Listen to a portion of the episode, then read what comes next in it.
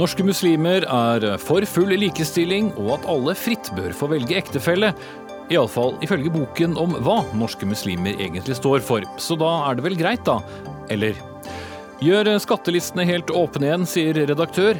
Gavepakke til kriminelle, advarer Fremskrittspartiet. En mulig boligkjøpsskandale er under opprulling i Oslo kommune. Store summer er brukt på boliger som ble veldig dyre rett før handelen fant sted, og vi spør ansvarlig byråd om hva som skjedde.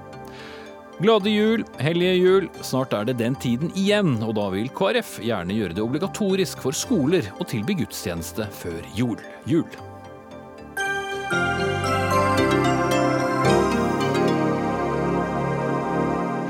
Da ønsker vi eh, god kveld og velkommen til Dagsnytt 18 med Espen Aas. Og vi skal også innom Kennedy-papirene som ble sluppet i natt. Hva lærte vi der om noe som helst? Og så sier vi husk emneknaggen.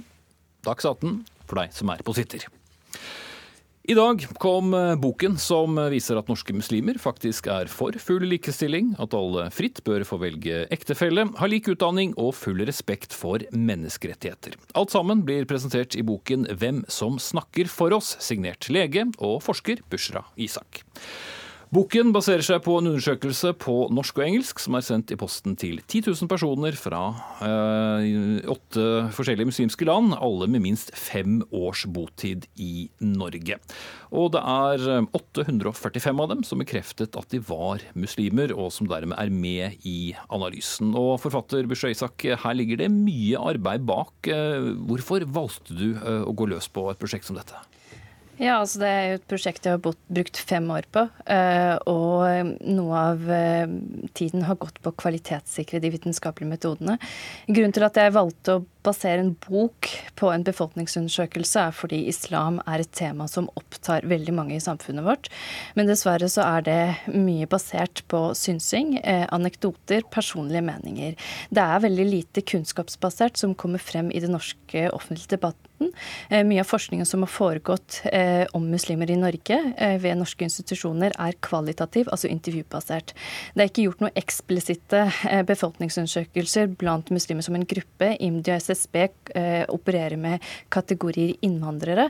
Så muslimer, befolkningsundersøkelser på muslimer er mangelvare, og dette er den mest omfattende undersøkelsen som er gjort og kartlegger da holdning til muslimer. Og hvorfor, hvorfor jeg gjør det på den måten, er fordi jeg ønsker å gi ordet til den tause majoriteten av muslimer som vanligvis ikke kommer til orde. Veldig mange av oss har stått frem som talspersoner for det muslimske miljøet. Eh, og de vanlige muslimer kommer ofte ikke til orde, og nå gir jeg dem ordet i boken min 'Hvem snakker for oss?' Eh, gjennom en befolkningsundersøkelse. Men så må jeg presisere at det er ikke bare befolkningsundersøkelse som er inkludert. Jeg har også intervjuet muslimske ledere og personer alt fra Malala Yousufzai til vanlige arbeidere i Saudi-Arabia. Det kommer jo da frem eh, en muslimsk befolkning som har verdier som eh, ligger eh, svært nærme de det andre nordmenn har. Er du overrasket over funnet? Altså det jeg er mest overrasket over, er hvor sterk tilslutning norske muslimer gir til det man kaller norske verdier. Eh, vi finner ikke bare tilfeldig eh, støtte eh, til demokrati og menneskerettigheter.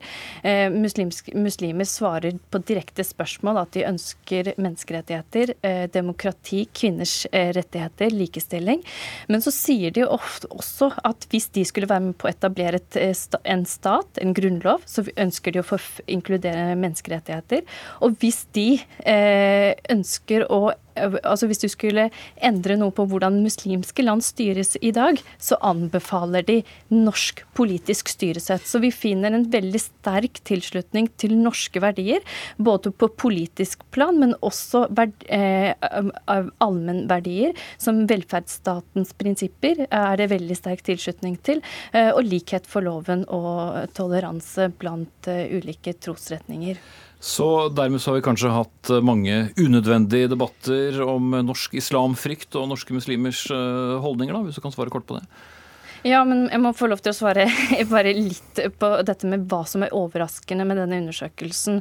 Og nå vet jeg at mange snakker om norske verdier, men det jeg personlig syns er to ting som er veldig overraskende med denne undersøkelsen, er at for det første så har vi for første gang nå tall på andelen muslimske kvinner som bruker hijab, og ingen av de eh, kvinnene jeg spurte, angir tvang fra minoritetsmiljøet. Det de angir såkalt sosial kontroll av, er fra storsamfunnet, hvor 13% ikke bruker skaut av frykt for samfunnet. Også Det andre overraskende funnet er at andelen muslimer som rettferdiggjør drap på sivile for å oppnå politiske mål, er 2% mot 8 nordmenn som mener det samme. Så vi har flere politisk radikaliserte blant majoritetssamfunnet enn blant muslimer. Abid Raja, eh, venstrepolitiker, nyvalgt visepresident på Stortinget og aktiv debattant i nettopp disse spørsmålene. Det må jo ha vært en lettelse å lese disse svarene etter alt du har vært eh, med og debattert opp gjennom årene? Ja, det kan du si. Eh, og det kunne vært en fin eh, debatt og samtale. Da hadde vi kanskje ikke hatt noe å snakke om. Så jeg vil jo starte med å egentlig gi ros til Bushra Isak, eh, som har gjort en, en grundig undersøkelse. Og det er bra, vi trenger tall. Og jeg er enig i at vi trenger mer tall på dette. Og nei, dessverre så jeg mener at disse tallmaterialet her egentlig ikke gjenspeiler det helhetsinntrykket som vi burde kunne hatt. Og det, det er ikke så rosenrødt? Ja, hvis man bare ser på f.eks. tallet, så har Bushra sendt ut Eh, dette spørreundersøkelsen til 10 000 stykker, og det er jo da under 8,5% som har svart. Eh, så rent sånn forskningsmessig så er det jo litt problematisk eh, i forhold til det. Og så er det jo, da er det jo veldig vanskelig å vite om de som svarer om dette her er ja, om de har, det er de som kan språket best, er det de som er best integrert, er det de som har mest liberale holdninger, er det de som har forstår betydningen av å svare på en slik undersøkelse, vil kunne gi mer positiv omtale. Det er mange fallgruver her. Men det jeg også biter meg merke i, er altså Jeg, jeg syns jo det er bra at de har ideal og mange positive ting.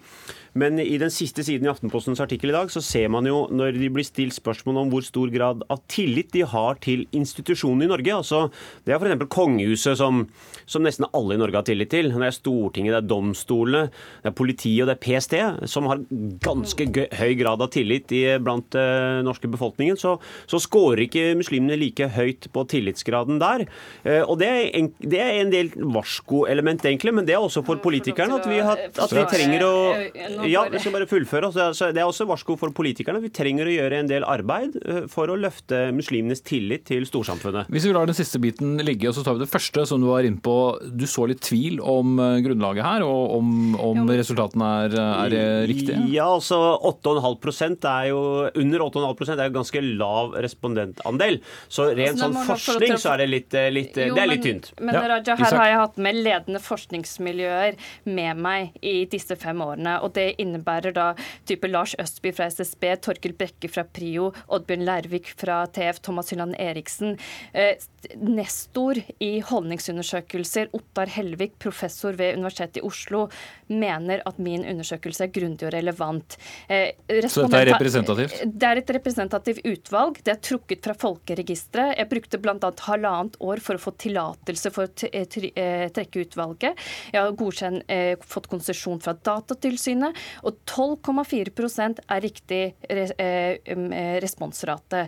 Og så har vi gått på frafallsanalysen vår, fordi det er ingenting som indikerer at det er de best integrerte som eh, svarer. Vi har et bred utvalg av både alder, eh, fordelt på ulike land. Det er ikke bare somalere som har svart på det, eller pakistanere som har svart på det. Vi har ulike land som er representert. Skjønnet er representert. Geografisk spredning. Og så må jeg få lov til å si Raja, for tydelig har ikke du lest boken min, for den er faktisk ikke ute i salg. Så det er klart at du dømmer meg og min bok ut fra en, eh, en artikkel eller synsing, syns jeg er en eh, mangel på kunnskapsbasert samtale. Og det er jo nettopp dette her med at jeg har trukket et representativt utvalg. Jeg har det faglige grunnlaget, og mange av de svarer er praktiserende muslimer. Majoriteten av de som svarer, sier at de ber fem ganger om dagen, de faster i ramadan, og de går ofte i moskeen. Du tror bare ikke på resultatet, du? Fordi det er for godt til å være sant. Og det er det som ligger kjernen av debatten om islam. Jeg tror det kommer til å bli en pedagogisk øvelse eh, hvis vi skal diskutere denne boka også fremover.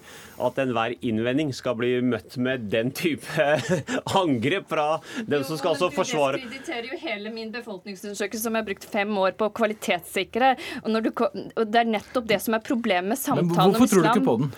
Altså, eh, Fordi den er for bra. Eh, for å starte igjen, da, eh, uten å bli avbrutt, så er det altså hvis man eh, skal komme med innvendinger til undersøkelsen, og da skal forskeren gå i den type forsvar som hun gjør, det forstår jeg. og det er bra. Hun skal få lov til å forsvare og forklare. Men det er jo bare å se på prosentandelen. Man har jo sendt det til 10 000 mennesker, og så har altså 845 av de som har av de, av de 1100 som har svart, så er det de som har blitt telt med i undersøkelsen, det er jo da under 8,5% Så en, det, det, i seg sjøl er jo litt problematisk. Så, men det får da man diskutere videre mellom en del andre forskere eh, for å se om validiteten i det. Så er det jo en del andre diskrepanser her som er litt Jeg må få lov til å svare på akkurat det. Fordi, ikke bare la det bli metode. Jo, men... Nei, nei, men jeg må få lov til å svare på det. Alle, du sier at andre forskere skal diskutere det. Raja, du kan ikke nok om responsrate. Det kunne ikke jeg heller da jeg begynte med den boken. Altså, For å evaluere om en undersøkelse er representativ, så må du se på frafallsanalysen. Og Der sier forskerne så lenge frafallet ditt ikke er skeiv, så er det sånn det, uh, at du kan akseptere fra, uh, responsrate til og med ned til 4 sier de. Og jeg har 12,4% Så når mm, mm, okay, restorene men... i, i, metodologien her gir meg en godkjentstempel, så syns jeg du, du skal vi, lytte til det. Vi lar eh, folk slå opp responsratet selv, men det er en annen ting jeg lurer litt ja, det på. Ting, altså, det er mange ting her. Altså, jeg, jeg, bare lar det ligge. Men altså, jeg tror folk noterer seg når kun 8, under 8,5% av de som har svart, teller med, så tror jeg okay, at jeg, jeg, jeg, jeg, kjøper ikke for god fisk eh, alle svarene som ligger, fordi at jeg tror ikke det er, det er ikke, okay, Hvis uh, programleder kan Også, eh, kort bryte inn her og bare stille en annen ting, for det er noen spørsmål her som du ikke har stilt, eh, som jeg også vil bare innom. Spørsmål om homofili, abort, dødsstraff, sex for ekteskap, alkohol og sånn er da ikke ja, tatt med. Ja, er Hvorfor er ikke det en del av denne undersøkelsen? Vil ikke det også gitt et interessant og kanskje viktig bilde? Ja, altså Hvert forskningsprosjekt har et forskningsproblemstilling og et forskningsfokus. Eh, og Jeg valgte å analysere det jeg ønsket å analysere, hva det mange syns er problematisk med muslimer, en såkalt verdikonflikt. Og Da definerte vi den verdikonflikten som holdninger til demokrati, terror, eh, likestilling og menneskerettigheter. Undersøkelsen min var dobbelt så lang. Eh, og så må man huske, og jeg måtte korte ned av hensyn til kapasitet og fordi jeg ikke hadde millioner av budsjett, men hadde bare brukt to år for å samle eh, eh, midler fra private stiftelser. Og når du har et begrenset forskningsfokus, så kan du ikke eh, fokusere på all mulig forskning, men du må bestemme seg for problemstillingen. Jo, men, jo, men jeg må få lov til å eh, forsvare her og argumentere her. Menneskerettigheter inneholder implisitt rettigheter for homofili. Og når muslimer sier at de ønsker menneskerettigheter, de ønsker et politisk styresett som Norge, de ønsker lik, full likestilling, så mener de at slutter, de slutter seg til norske verdier. Og så må jeg få lov til å si at jeg er den første Jo, altså. jeg er, jeg er, den første som har tatt initiativet til en så omfattende undersøkelse som en privatperson. Det er ingen andre forskningsinstitusjoner som har tatt det initiativet. Dette her er en begynnelse, og jeg mener at de spørsmålene er veldig viktige. Men jeg overlater stafettpinnen til forskningsinstitusjoner å analysere det videre. La, altså, la, oss da diskutere noen av tallene. for Hun sier at disse svarene er altfor bra. Men jeg vil jo mene med respekt å melde, det er det jo ikke. Altså for eksempel, bare La meg ta ett av spørsmålene. For eksempel, spørsmålet er det er viktig å følge sharia. Uh, og Der svarer altså 31% at de er enig i det, og 22% svarer vet ikke. Hvis du summerer opp de to, så er det altså 53% som svarer enten ja eller vet ikke på spørsmålet om at det er viktig å følge sharia. Og Det er enkelte ting ved sharia som eh, gjerne i media er litt overdramatisert, for at man kan fort få inntrykk av at det handler kun om kroppslige avstraffelser. Det er det jo ikke. Sharia er mye mer enn det. Men sharia er også kroppslige avstraffelser. Og Da er det en, i hvert fall en stor svakhet ved undersøkelsen, hvis hun da nå skal for, forklare det med at ja, men det kunne jeg ha kanskje ha klassifisert og fortalt hva, sharia, hva jeg har lagt i i sharia, men det er klart sharia er også en måte å leve på. Ja, men altså når 53, når 53% altså svarer enten ja eller vet ikke på om det er viktig å følge sharia, så har du en majoritet som sier f.eks. at de er da indirekte, eller kanskje direkte, for kroppslige avstraffelser, som sharia er. Og samtidig så svarer de på et annet spørsmål at de er for menneskerettigheter. Og programleder, det er en ting som er verdt å merke seg, og det er at menneskerettigheter er imot kroppslige avstraffelser. Håndhugging, halshugging, pisking osv. Men sharia tillater den type avstraffelser, og det er stor diskrepans mellom svarene her. Ja, kort svar til slutt. Jeg har spurt også respondentene om de ønsker kroppslige eh, avstraffelser, eh, såkalte hododlover. Og de som støtter sharia, tar avstand fra hododlover, nemlig kroppslig avstraffelse. Og dermed så står vi på definisjonen av sharia som en apolitisk moralsk kompass, som disse respondentene støtter. Bushra Isak, altså, Abid eh, Raja, vi har forsøkt eh, nå i et kvarter å gå inn på en viktig bok som jeg tror vi kommer til å, sikkert å diskutere flere ganger. Takk skal dere ha. Tiden er ute.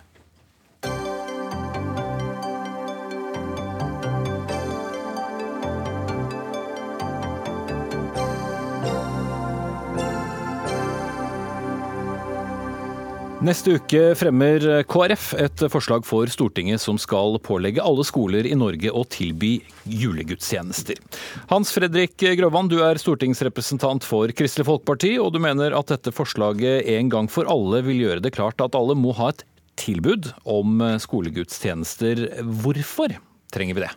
Vi syns at eh, i et land som Norge, hvor vi har eh, lange kristne tradisjoner, eh, så der jula er en naturlig del av vår kultur, så er det, så er det riktig at alle barn som er elever i norsk skole, skal få tilbud om en årlig skolegudstjeneste før jul. Vi vet i dag at mange skoler tilbyr det, ca. 80% men vi syns det er viktig at det legges til rette for der en lokal kirke ønsker å invitere skolen, at det skal være naturlig at skolen sier ja til det. Og så må selvfølgelig den enkelte elev og foreldre bestemme om, eh, om den eleven skal få lov til å delta. Og da skal det være et alternativt opplegg. Men dette handler om å ivareta en, eh, en, tradisjon, en lang tradisjon, og, og, gi kjennskap til de kristne røttene som vårt land har. Men eh, hva da med skoler som kanskje ikke vil delta? Altså Hvis det er en menighet eh, som ønsker, lokal menighet som ønsker å invitere, så syns vi det er riktig at skolen ikke skal si nei til det. Men den, De skal enkelte, si ja. Den, ja, men den enkelte elev skal selvfølgelig få lov til å velge. Det vi har opplevd i senere tid, Eh, faktisk hvert år eh, av de siste årene. Det har vært stor utrygghet blant eh, både rektorer, foreldre. Hvordan skal vi tilrettelegge dette? Ved å gå tydelig ut og si at der det er en menighet som ønsker å arrangere for en skole, så skal skolen si ja til dette, samtidig som en ivaretar den enkelte elevs og foreldres frihet til å delta. Så rydder vi litt opp i dette, samtidig som vi knytter denne skolegudstjenesten til julas innhold, og gjør dette til en del av vår kultur og tradisjon som alle i Norge bør kjenne til. Trond Bakkevik, prost i Vesteraker kirke. Det må da være godt å få denne hjelpende hånden fra Stortinget for å få fylt opp kirken før jul? Det er ikke noe problem å fylle opp kirkene før jul. Det er masse skolegudstjenester og stor deltakelse, og jeg syns det er flott med skolegudstjenester. Men det som blir litt uklart i det forslaget som kommer fra Kristelig Folkeparti her, er hvem som inviterer. Fordi skolen arrangerer ikke gudstjenester. Det er kirken som gjør, og det er et skille mellom stat og kirke nå som gjør også at bare for ikke det at de drev med det før, men det er ikke så lett for staten eller Stortinget å pålegge kirken å arrangere gudstjenester. Men vi gjør det gjerne, og vi inviterer skolene. Men jeg er mest glad hvis skolene finner ut at dette er noe de gjerne vil gjøre, fordi det er å ivareta en god tradisjon. Så du syns ikke dette var så godt? Kanskje overraskende for mange? Nei, jeg syns ikke et pålegg fra Stortinget er godt i denne sammenheng. Jeg, synes, jeg, er veldig glad for politikere som sier at jeg syns vi skal ha skolegudstjenester, men et pålegg er noe annet. Da går det over en grense. Men, men da vil jeg gjerne få lov til å understreke at det er overhodet ikke noe pålegg overfor den lokale kirke. Hva er det, da? Det, det er en, en, Hvis den lokale kirke inviterer eh, skolen til gudstjeneste, der de har kapasitet, muligheter til å få til et godt samarbeid osv., så, videre, så skal ikke skolen si nei. Men det er overhodet ikke noe pålegg til den lokale menighet. De må stå fritt å vurdere om de har mulighet, kapasitet til det. Og Derfor er det viktigere å si og understreke at dette er ikke noe pålegg overfor Den norske kirke, men det er en klargjøring av skolens ansvar, der det foreligger et tilbud og et, en invitasjon til å delta delta i et samarbeid med den lokale menighet. Og så er det den enkelte elev som selvfølgelig, og med foreldre, som må avgjøre om de, ikke, om de ønsker å delta eller ikke. Da er det vel demokratisk og fint, eh, Bakkevig? Ja, det kan man si. Men jeg syns det ville være mye bedre om man fra politisk hold bare klargjør det som har vært klargjort for så vidt mange ganger allerede fra departementets side, nemlig at det er helt i orden for skoler å delta i skolegudstjenester og legge til rette for at elevene får delta. Og det holder.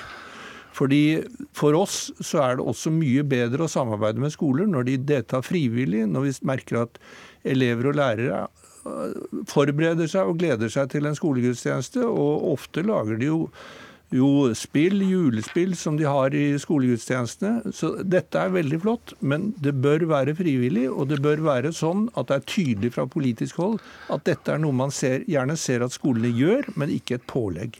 Det som vi har sett i en del sammenhenger, er helt enig i det at å få til et samarbeid på, på frivillig basis fungerer veldig bra. Men det som vi ser, det er at enkelte rektorer tar en beslutning på vegne av veldig mange elever og veldig mange foreldre som egentlig ønsker dette.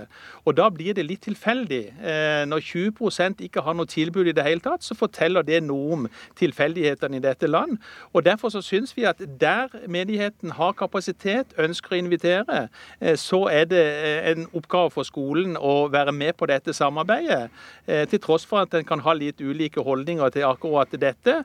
Det handler om å gi litt tydelige signaler, ta vekk noe av den usikkerheten som har vært, og gjøre skolen litt mer trygg i dette samarbeidet arbeidet enn å la det være opp til en enkelt rektor eller eh, enkeltpersoner, istedenfor at dette skal være et eh, opplegg eh, som en kan si ja til fordi at dette handler om kjennskap til vår kristne tradisjon. Men 20% Trond Bakke, det er jo mye da i et land som Norge med sine tradisjoner før jul. Hadde det ikke vært greit å få ryddet opp i dette som KrF argumenterer med?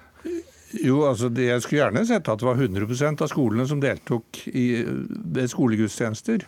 Men igjen så tenker jeg at dette er noe som best fremkommer ved en samtale mellom skole, foreldre, elever og kirke.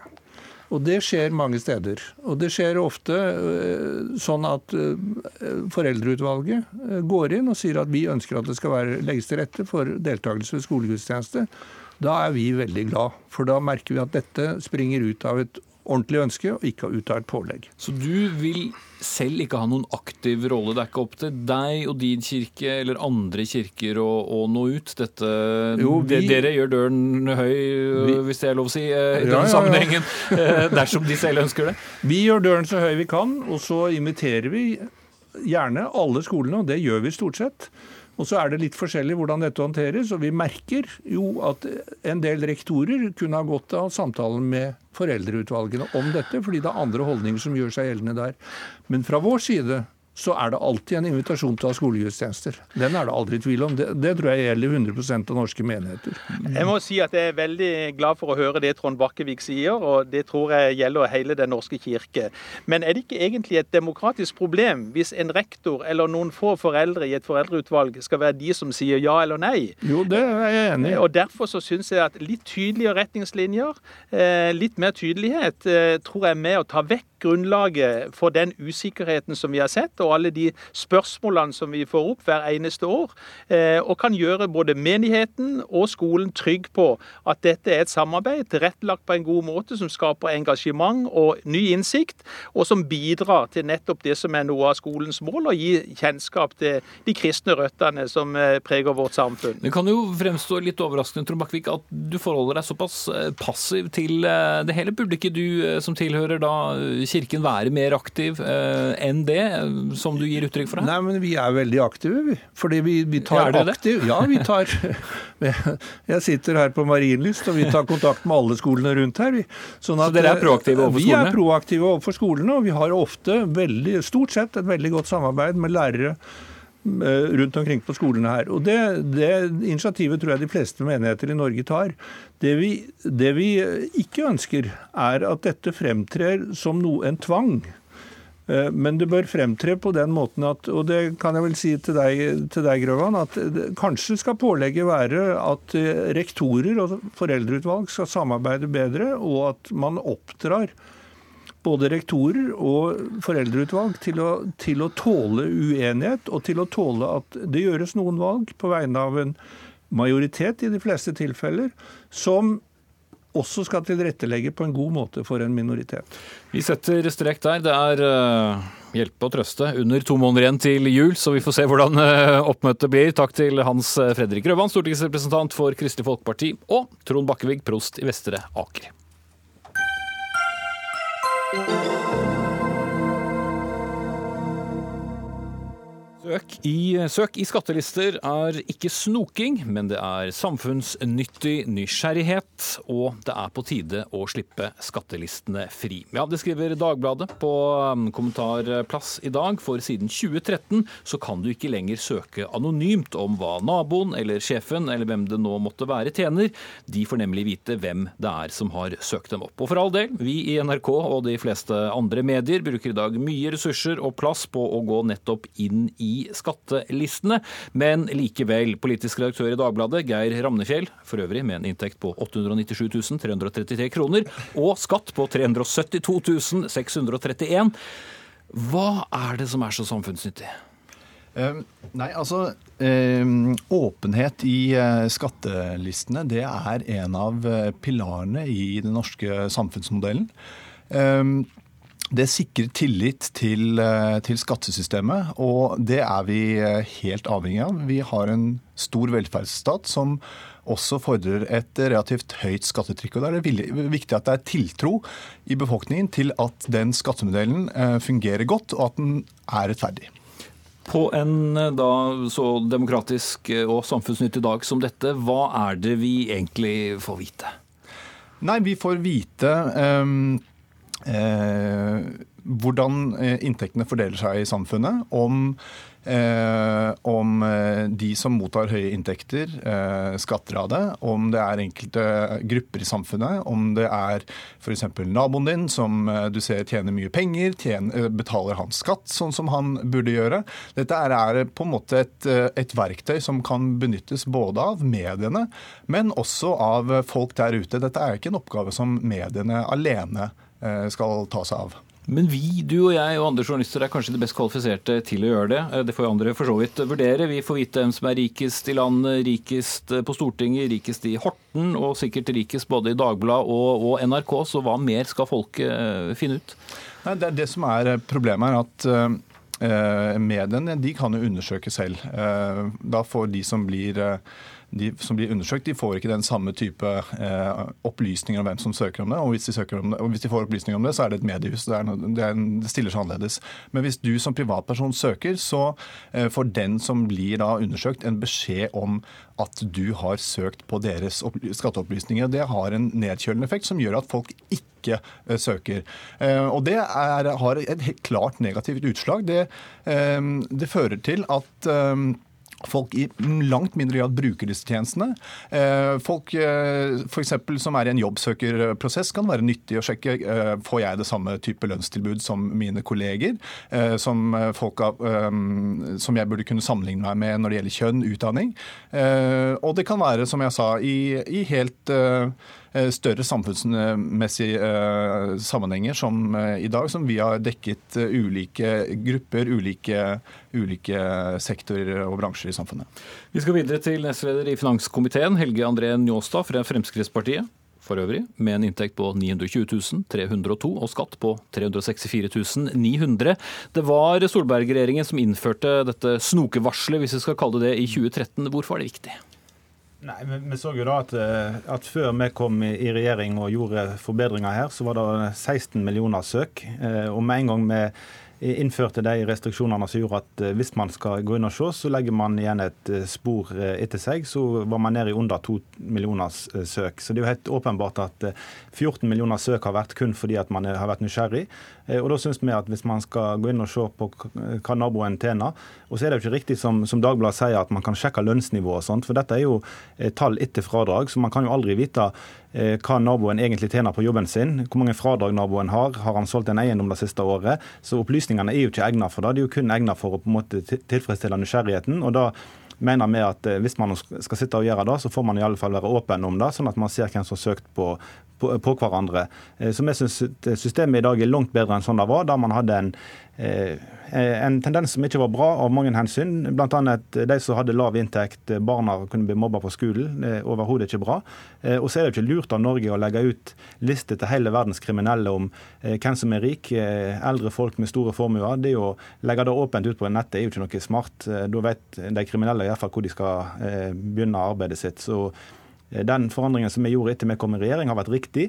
Eh, og jeg tror folk er enig med at eh, den modellen som Dagbladet og som også Arbeiderpartiet tar til orde på, å gå tilbake til snok, snoking åpent, ikke er rette veien å gå. Ranulfi? Ja, nei, altså...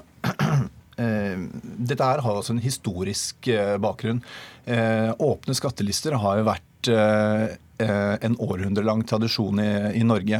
Og Den ble etablert nettopp for å hindre mistro og Eh, manglende tillit til skattesystemet. Man utviklet en rekke nye eh, skattetyper som gjorde at det ble, eh, det ble usikkerhet rundt om det ville ramme skjevt eller ikke.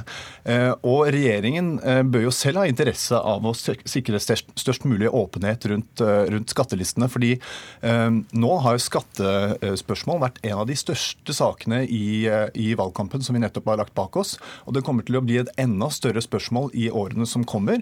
hvor Eh, hvor inntektene i, til den norske statskassen vil, eh, vil falle, og vi, hvor utgiftene vil øke. Det vil eh, føre til at man vil kanskje måtte øke skattene eller knipe på velferdsgodet for å finansiere det. Og da å sikre åpenhet rundt, rundt skatteinntekter og skattespørsmål i, i den forbindelse er helt avgjørende for Eh, å få folk med på den type politisk eh, omvending.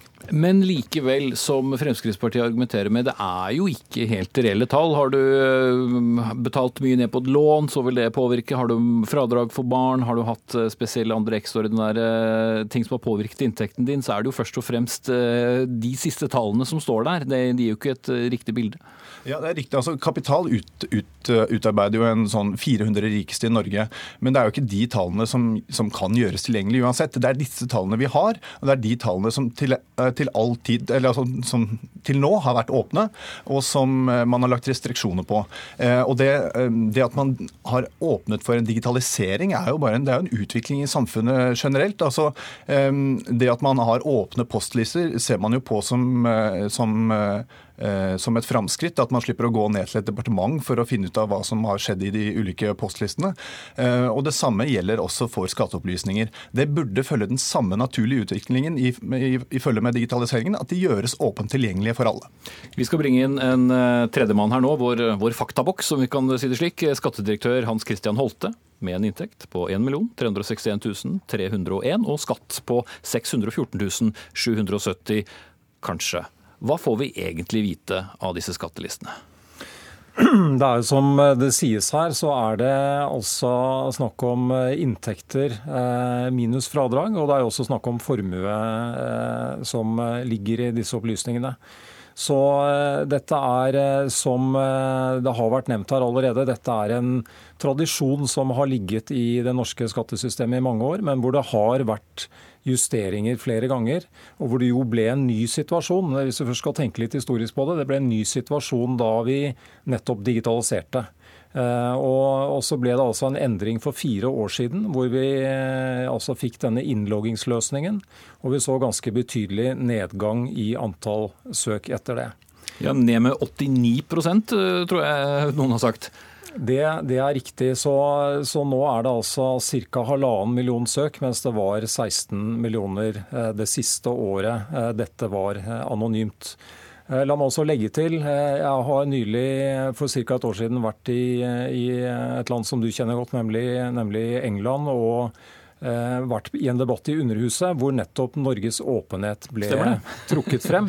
Eh, og det var faktisk eh, altså Det er verdt å si at selv om det i dag da er mindre åpent enn det var, så er det altså relativt sett ganske åpent internasjonalt. Men jeg tenker jeg har ikke selv en personlig mening om akkurat hva som er en riktig balanse her. Det er jo en politisk vurdering.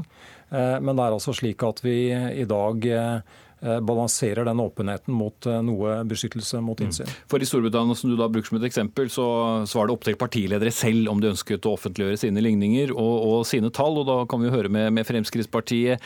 Er vi der vi skal være nå, eller kunne det vært også enda mer innskrenkninger? Nei, Vi synes at eh, vi skal ikke gå i retning av et snokesamfunn. så vi, Fremskrittspartiet kunne nok tenkt seg å gått enda lenger i å beskytte eh, innbyggerne mot at eh, man skal bli snoka både av media og av naboer. Men vi syns at vi har gått et veldig steg i riktig retning, og kunne tenkt oss å gått litt lenger. Spesielt fordi at de tall... De Hvor langt da?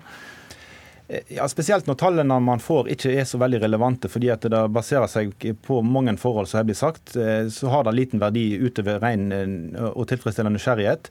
Når det gjelder da med å se at alle bidrar, og at de som tjener mest og bidrar mest, så er jo det rimelig åpenbart i vårt samfunn. Og Hvis ikke mediene klarer å formidle det til innbyggerne gjennom tilgangen som de har, for, for mediene har jo full tilgang til disse tallene, så jeg syns det er spesielt at, at media mener at innbyggerne sjøl må være i stand til å tolke og sette seg inn i for å tillit til skattesystemet. Det er jo på en måte litt medias plikt å formidle fakta basert på de eh, åpne tilgangene som dere har. Eh, så fremstiller dette som at det er at det er en lukking, er jo, er jo, feil. Eh, og Media har tilgang til absolutt alt, og de presenterer det de vil, og kan forklare innbyggerne hva som ligger bak de tallene som blir presentert. Men det er vel litt demokrati i å få vite hva du tjener som er folkevalgt, og hva statsministeren tjener, og, og kanskje mange andre i samfunnet? Jo da, men det har man jo fullt åpenhet om. Eh, det man ikke får vite her, er jo hva lån har eh, Erna, og hva lån har jeg, hva fradrag har vi, og hva leiligheter har man solgt i, i så fall. Sånn at tallene har jo ikke så veldig stor verdi.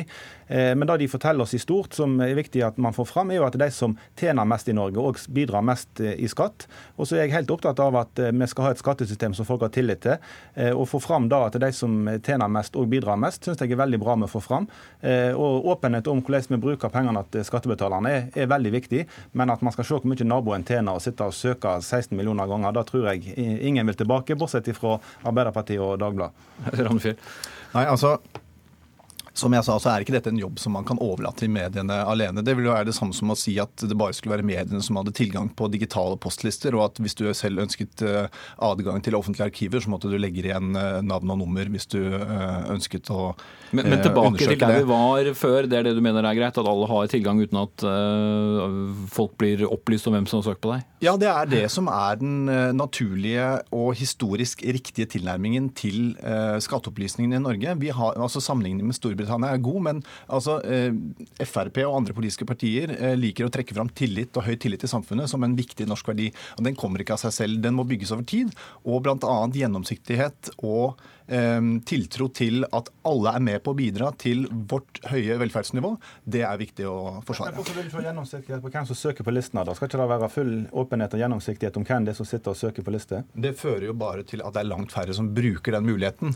Eh, så jo, da, vi kan ikke snakke om åpenhet og tillit, men det gjelder ikke til alle. Eh, det er veldig greit å ha åpenhet og tillit til hvem det er som søker på meg. Jeg syns det er en god verdi å vite hvem som er interessert i mine skatteopplysninger. Ja. Så langt så eh, er det der vi er. Og bare for å legge til det til slutt programleder, tjente 659 493, skattet bare 68 048 kroner og hadde formue på 175 000. Hvorfor hørtes dette så rart ut? Jo, jeg skattet til Storbritannia, og det kom ikke frem av ligningen.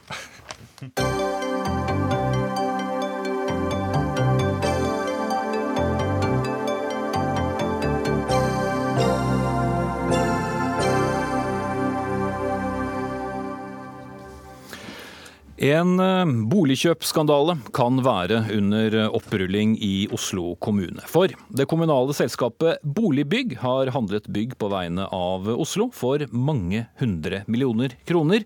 I ett av tilfellene så kunne kommunen ha sikret seg en bygård for 60 millioner kroner. I stedet valgte kommunen å kjøpe den samme bygården av en privat megler for 93 millioner kroner, altså 33 millioner kroner mer enn det de kanskje kunne ha betalt. Alt ifølge avisen Dagens Næringsliv, som har skrevet eh, mye om dette, og selgerne var det avisen omtaler som tvilsomme eller konkursgjengangere. Og Bård Bjerkholt, kommentator i Dagens Næringsliv, det var altså dere som rullet opp denne saken for to uker siden. Og før vi går litt inn i historikken, hvor står saken nå? Økokrim har jo nå åpnet etterforskning av denne saken og siktet en person som da jobbet i boligbygg med disse kjøpene. Skattekrim, eller Skatteetaten har jo da også gått inn i saken. Og styret i boligbygg er jo da delvis skiftet ut.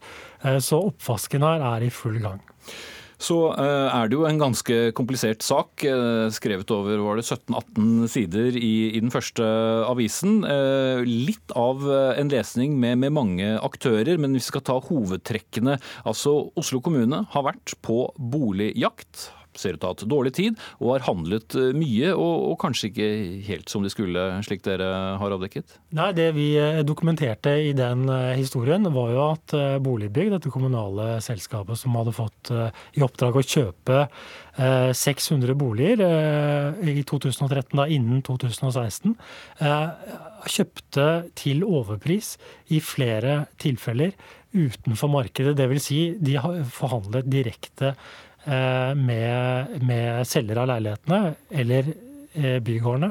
Eh, og endte da opp med å betale veldig mye mer enn det de hadde trengt. Av kommunens penger, rett og slett.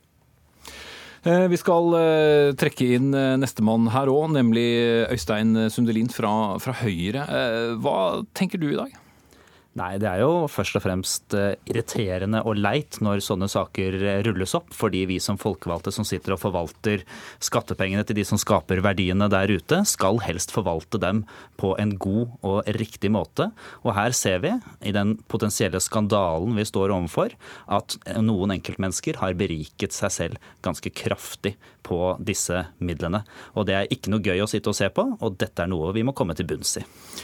Men i historikken her så går vel den også tilbake til før eh, det sittende byrådet sitt, tilbake til da Høyre eh, var størst parti i byrådet. Det var da det startet. Jeg skal være forsiktig med å ta full ansvarsfraskrivelse fra hva som har skjedd i Oslo kommune fra den tiden Høyre styrte også, men den saken som Dagens Næringsliv her nå ruller opp, den har skjedd på Arbeiderpartiet sin vakt. Og da det nye byrådet gikk på etter valgseieren deres i 2015, så hadde de ganske store politiske ambisjoner om å øke Oslo kommunes eiendomsmasse masse og antall kommunale leiligheter. Og her kan det tyde på at man har satt masse penger inn, milliarder inn, i eiendomskjøp uten å ha hatt nødvendig kontroll, struktur og system for at de eh, anskaffelsene gjøres på en korrekt og god måte. Men eh, så er det vel ikke helt sånn at alt dette har skjedd heller på, på bakrommet. Det er ikke sånn at uh, andre medlemmer uh, i, uh, i Oslos politiske råd har vært helt uvitende om valgkjøp? Nei, og vi har hatt saker til behandling i bystyret som helt tydelig vi burde ettergått. Men det er nå engang slik i det parlamentariske styringssystemet som Oslo har, at vi i bystyret må stole på at saksforberedelsene og fremleggelsene fra både etatene, men opp til byrådet som legger frem sakene for bystyret, er kvalitativt gode, og at de har gått dette etter i sømmene. Så har det vist seg nå ikke stemme, og derfor står vi oppe i en potensiell skandale som vi er nødt til å komme til bunns i. Så her er det mange spørsmål som foreløpig er stilt, ikke besvart. Det kommer til å komme flere spørsmål, og her er det en ryddejobb i flere måneder frem i tid. Bård Berkholt i Dagens Næringsliv, eh, kan vi ane noen nyanser av, av ansvar her? Ja, altså dette, eh, denne saken viser jo først og fremst at eh, Boligbygg eh, overhodet ikke har hatt eh, styring og kontroll på den virksomheten de har drevet. Altså dette selskapet som har bedrevet oppkjøpene ja, på vegne av kommunen? Mm. Åpenbart. altså Hadde man hatt enkle kontrollsystemer, så kunne dette som har skjedd her, aldri skjedd. Vi snakker jo nå om boligkjøp for over nærmere 700 millioner kroner. Og hvor antagelig tapet her, altså den overprisen man har betalt, kan komme opp i flere titall millioner. Ehm, samtidig så, så, virker det også som det har vært eh, eh, eh, noen som, på innsiden av Boligbygg som, som har hjulpet disse konkursgjengerne som har da lurt kommunen fra utsiden. Så skal jo da dette etterforskes. Er du fornøyd med det som nå er satt i gang? Hva har dere politikere ellers fått vite om den videre prosessen med granskingen av, av hendelsesforløpet? Vel, vi, eh, Det kommer til å bli granskninger og det kommer til å bli rapporter fra flere hold. Både kontrollutvalget og kommunerevisjonen i Oslo kommer til å være inne i bildet. Det kommer til å være uavhengige også eh, fra byråer der ute. Det jeg og Høyre er opptatt av, det er at eh, de uavhengige rapportene som bestilles må være helt nøytrale og nettopp uavhengige. Så det byrådet foreløpig har signalisert om at Boligbygg selv ved deres styre i stor grad skal utarbeide både mandat og ha en viss styring på granskningen. Det er jeg veldig usikker på, for da blir det ikke nødvendigvis slik at vi skiller bukken og eh, havresekken. Eh, og da er det ikke gitt at vi får et helt nøytralt, eh, objektivt svar på granskningene. Det er helt avgjørende for at vi skal kunne gjenreise tilliten til Oslo kommune og Boligbygg, og vi som sitter og forvalter pengene på vegne av skattebetalerne. For Bjerkholt, det er litt av en sak hvis vi skal se historisk sett, med enorme verdier. Ja, jeg kommer i hvert fall ikke på noe, på noe lignende sak eh, eh, i Oslo kommune, eller i, i, Norge for den del, eh, hvor det er, handler om så store summer som da potensielt er, er rotet bort av, av skattebetalernes penger. I tillegg til da at ledelsen og systemet der, eh, eller organisasjonen i Boligbygg har sviktet totalt, så er det jo også viktig tror jeg, å si at dette målet politikerne hadde, om å kjøpe så mange boliger på så kort tid i et så brennhett marked, det var ikke særlig klokt. Men hvis vi tenker bare på markedskrefter, hvis det også var Oslo kommune skulle gått ut på det åpne markedet med en så hunger etter eiendom som her, ville ikke det også i seg selv vært prisdrivende? Var det ikke noe riktig med å velge bakveier, eller? Ja, nei, det, det, var jo åpenbart ikke noe riktig med måten de har gjort det på. Eh, det ser vi jo nå. Men, men, eh, men de kjøpte jo også i det åpne markedet. Eh, og de kjøpene var jo også med da på, på å drive prisene opp på leiligheter i Oslo. Sånn som vi opplevde da i 2016, hvor prisene i Oslo steg over 20% Og det er klart at Her burde man for, hatt en helt annen tilnærmingsmåte og vært mye mer forsiktig når man først skulle ut i, i dette markedet. Øystein Sundrin, til slutt, eh, hva gjør dere videre nå politisk sett? Nei, Nå skal vi eh, lese med lupe alle de dokumentene og svarene vi får fra byrådet. Og vi skal stille alle de spørsmålene vi har for å følge opp hva Oslo kommune fra byrådets side burde gjort eh, for å sikre bedre struktur og organisering og kvalitetssikring av dette. Og det kommer vi nok til å holde på med i lang tid fremover. Og vi kommer ikke til å gi oss fra Høyre sin side før vi har fått alle svarene og rullet opp og blitt ferdig med denne saken. Og det kommer til å ta tid. Øystein Sundlin fra Høyre, Bård Bjerkholt fra Dagens Næringsliv. Vi sier eh, takk til dere, og skal få inn eh, mannen eh, med ansvaret sett fra kommunens side i alle fall.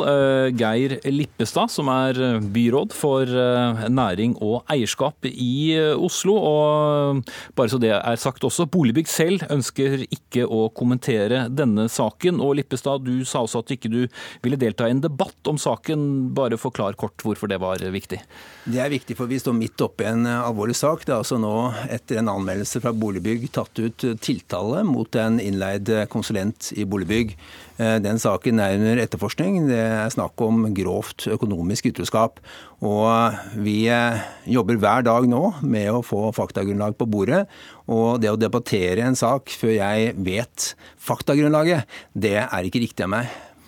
Um Onsdag ble denne saken behandlet i bystyret, og et spørsmål som gikk igjen der var hvordan er det mulig? Og jeg vet ikke, kan jeg stille deg det spørsmålet? Hvordan var det mulig? Ja, det må du stille, for det er det viktigste spørsmålet nå å få svar på. Jeg er helt enig med Sundelin.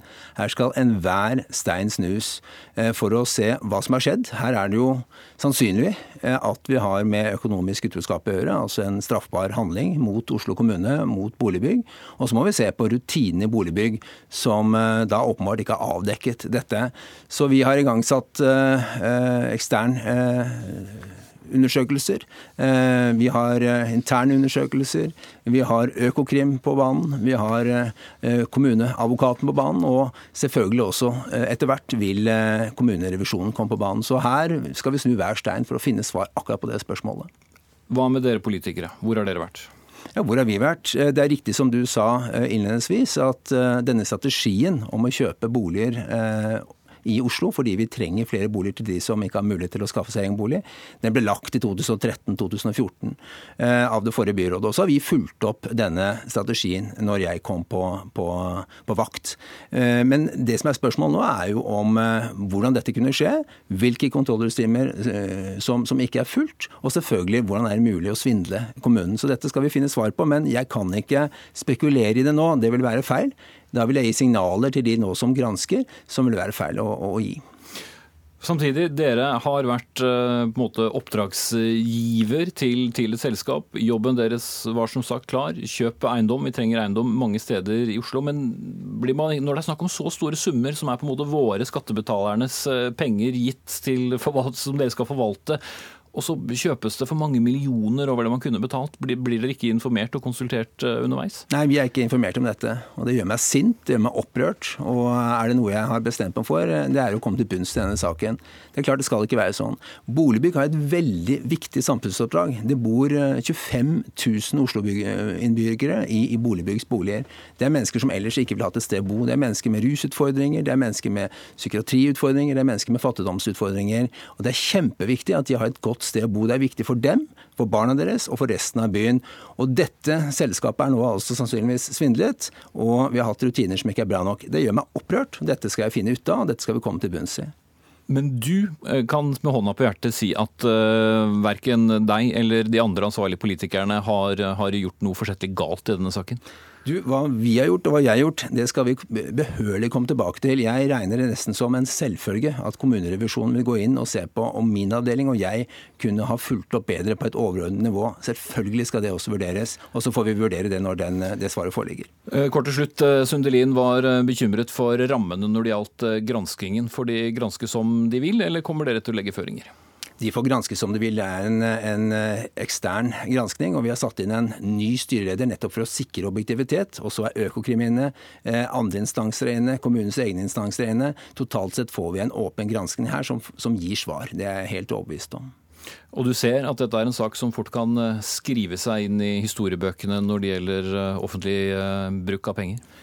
Ja, altså Det må vi se, hvor mye penger vi har tapt. Min oppgave nå er å sikre kommunens verdier og sikre at vi kommer til bunns i saken. og Så får vi se hva vi står igjen med når vi har alle fakta på bordet. Dette er en alvorlig sak. Det er en siktelse allerede for økonomisk utroskap mot Oslo kommune. Sånn skal vi ikke ha det. Takk skal du ha, Geir Lippestad. Takk.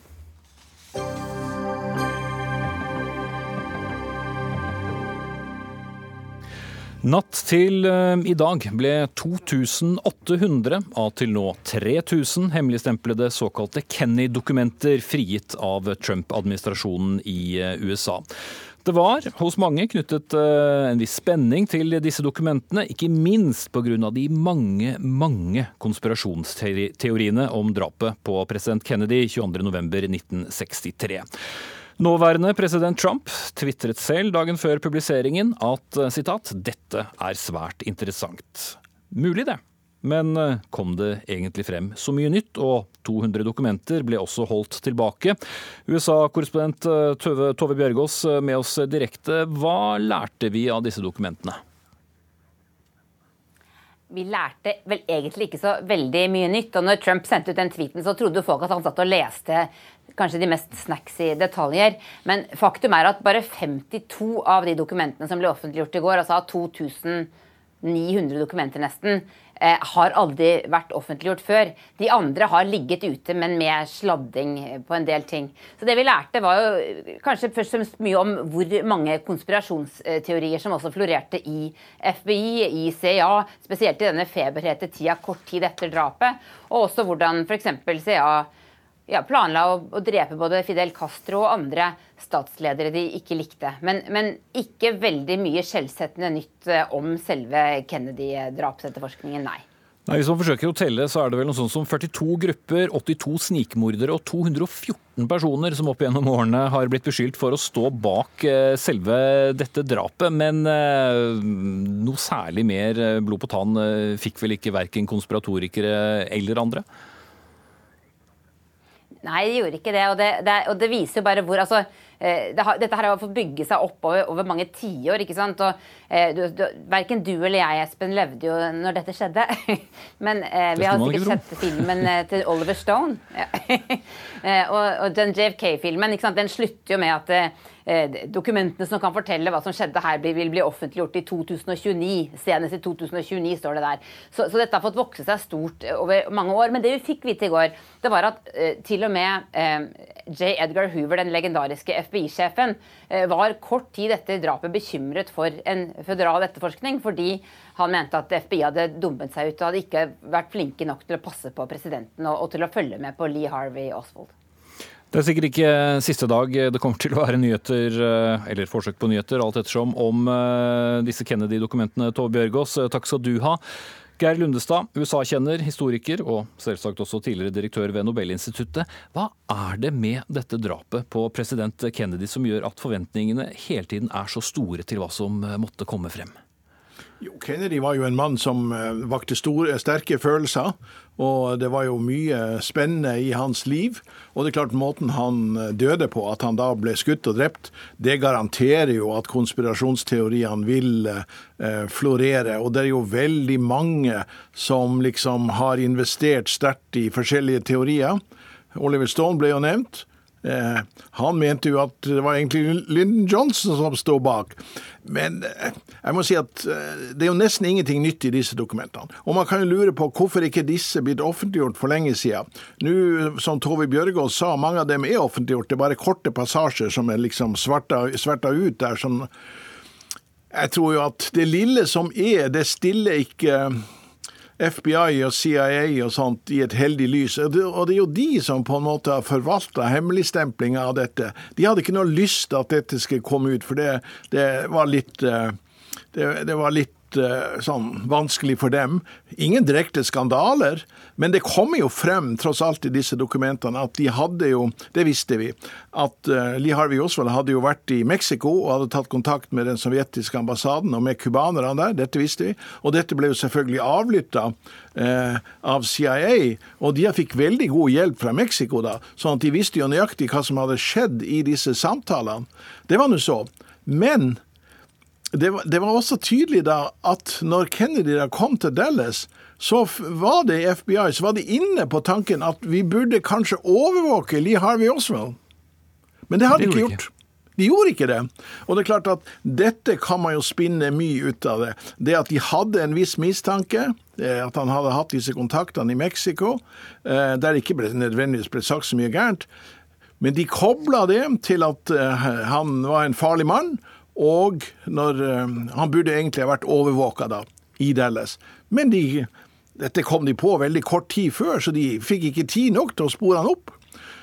Og for, og for konspirasjonsteoretikerne så er det jo en bit til. Det var jo at De fikk jo faktisk også varsel da om at han kunne bli skutt. Lee Harvey mm. Oswald kunne bli skutt kom et, en telefon om at eh, de skulle ta livet av ham.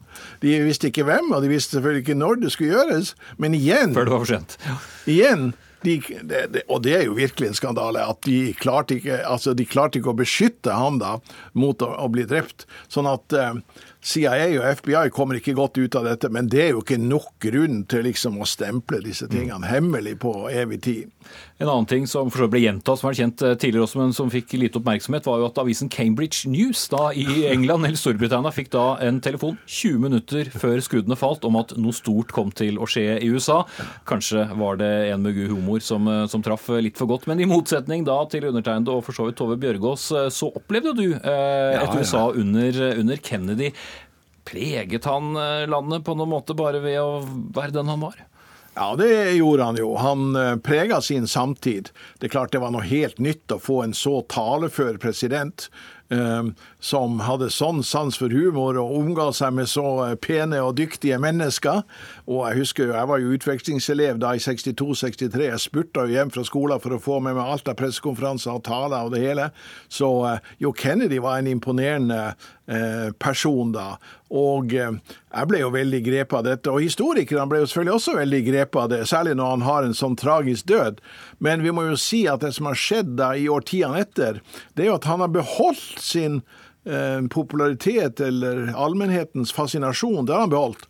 Men han har jo sunket ned på rangeringslistene eh, blant historikerne. Og jeg må jo også si eh, for egen del at, at eh, den største Kennedy-begeistringa har gitt seg. Det har kommet frem altfor mye. Og det som gjorde spesielt inntrykk på meg, det var jo hvor lunken han egentlig var i borgerrettighetsspørsmålet. Han var for fulle borgerrettigheter, men han ville ikke engasjere seg fullt ut, fordi det betydde at han ble fiende med sørstatsdemokratene, som dominerte Kongressen. Så langt. Takk skal du ha, Geir Lundestad. Tidligere mer begeistret for Kennedy enn uh, i dag. Ansvarlig for denne sendingen, Arnhild Myklebust. Teknisk ansvarlig, Finn Lie. Her i studio, Espen Aas. God helg.